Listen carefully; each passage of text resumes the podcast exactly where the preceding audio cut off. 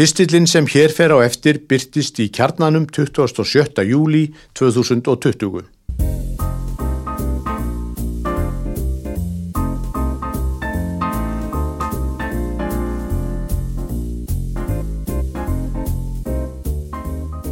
Góða útiliktinn í handklæðunum Í hádeginu, dag 1 fyrir tæpum 20 árum, sátu nokkrir kennarar og nefendur í efnafræðadeilt Hafnarháskóla í mötuneytinu. Í matartímanum var yðurlega rætt um allt milli heimins og jarðar. Meðal þeirra sem sátu þarna á spjölluðu var Torvald Pedersen lektor í efnafræði. Hann var áhuga maður um margt annað en það sem við kom beinlíni sérgrein hans. Meðal annars skrifaði hann árum saman um matreyslu í innanhúsblad efnafræðadeildarinnar Dálkur hans hétt efnafræðingurinn í eldhúsinu. Þennan tiltekna dag í mötuneytunu sagðan allt í einu.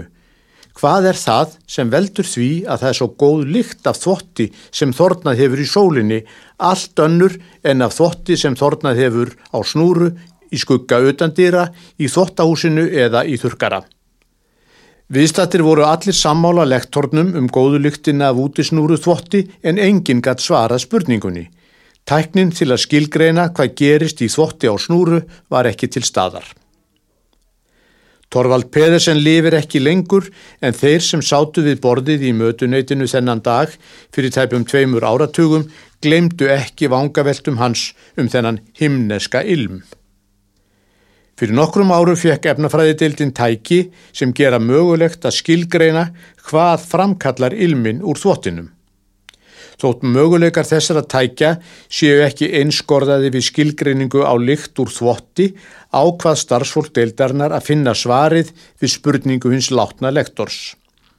Þrý starfsmenn unnu að verkefninu og þegar rannsókninni var lokið skrifuðu þeir grein sem byrtist í vísindatímaritinu Environmental Chemistry og tilenguðu greinina Torvald Pedersen. Í viðtali við danska dagblæði Politíken útskýriði Malte Fríðenlund einn þremenningana vinnuaðferðina. Svegin var full vél af handklæðum sem öll voru eins. Nota var líktarlaust þvótaefni. Hluti handklæðana var svo hengtur á snúru í sólinni, hluti á snúru í skugga utan dýra, en önnur á þurk grind innan dýra og afgangurinn settur í þurkara. Þegar handklæðin voru orðin þurr voru þau sett í lofttjetta póka, sérstakt tæki sogaði loft úr handklæðunum sem enn annað tæki skilgrendi svo. Þetta er einföld útgáfa af vinnuaðferðinni. Þremenningarnir komust að því að gestlar sólarinnar setja af stað ákveðið efnaferli, kemisk prósess, í handklæðunum. Við þetta leysist úr læðingi lykt eða ilmur sem vekur notalega líðan, minnir á sítrónur, möndlur, súkulaði, rósir og fleira sem flestum líkar við. Tilraunin var endur tekinn þrísvarsinnum og útkoman var alltaf svo sama. Eitt þeirra sem satt við borðið í mötuneyti efnafræðadildar Hafnarháskóla þegar Torvald Pedersen fytjaði upp á handklæðaliktinni var Matthew Stanley Johnson. Hann var þá nefandi við deildina en er nú profesor og hafði yfir umsjón með rannsókninni. Hann sagði í viðtali að það hefði verið sérlega ánægulegt að geta fundið svarið við þessari gömlu spurningu Torvald Pedersen. Það kannast allir við að tiltekin lykt vekur ákveðna minningar, sagði Matthew Stanley Johnson og bætti við. Ef ég leggst til kvílu þar sem rúmfötin hafi verið hengt til þerris í sólinni, hugsa ég ósjálfrátt til bersku heimilisins í Minnesota. Albert Geði Sérfræðingur í rannsóknum á starfsemi heilans við Hafnarháskóla tók ekki þátt í rannsókn þremenningana en sagði það vel þekkt að lyktin af þvotti sem þornað hefur í sól veki minningar. Þessi lykt framkallar dopamin skot í heilanum og við fyllumst vel í þann. Albert Geði bætti við að lyktin af nýbökuðum smákökum minni marga á jólinn. Malti Fríðenlund, einn rannsóknar þremenningana, sagði að allir kannist við fríst loft sem fylgir ríkningarskúrum. Þessi frískleiki verður líklega til á svipaðan hátt og notalega lyktinn af sólþurkuðum handklæðum.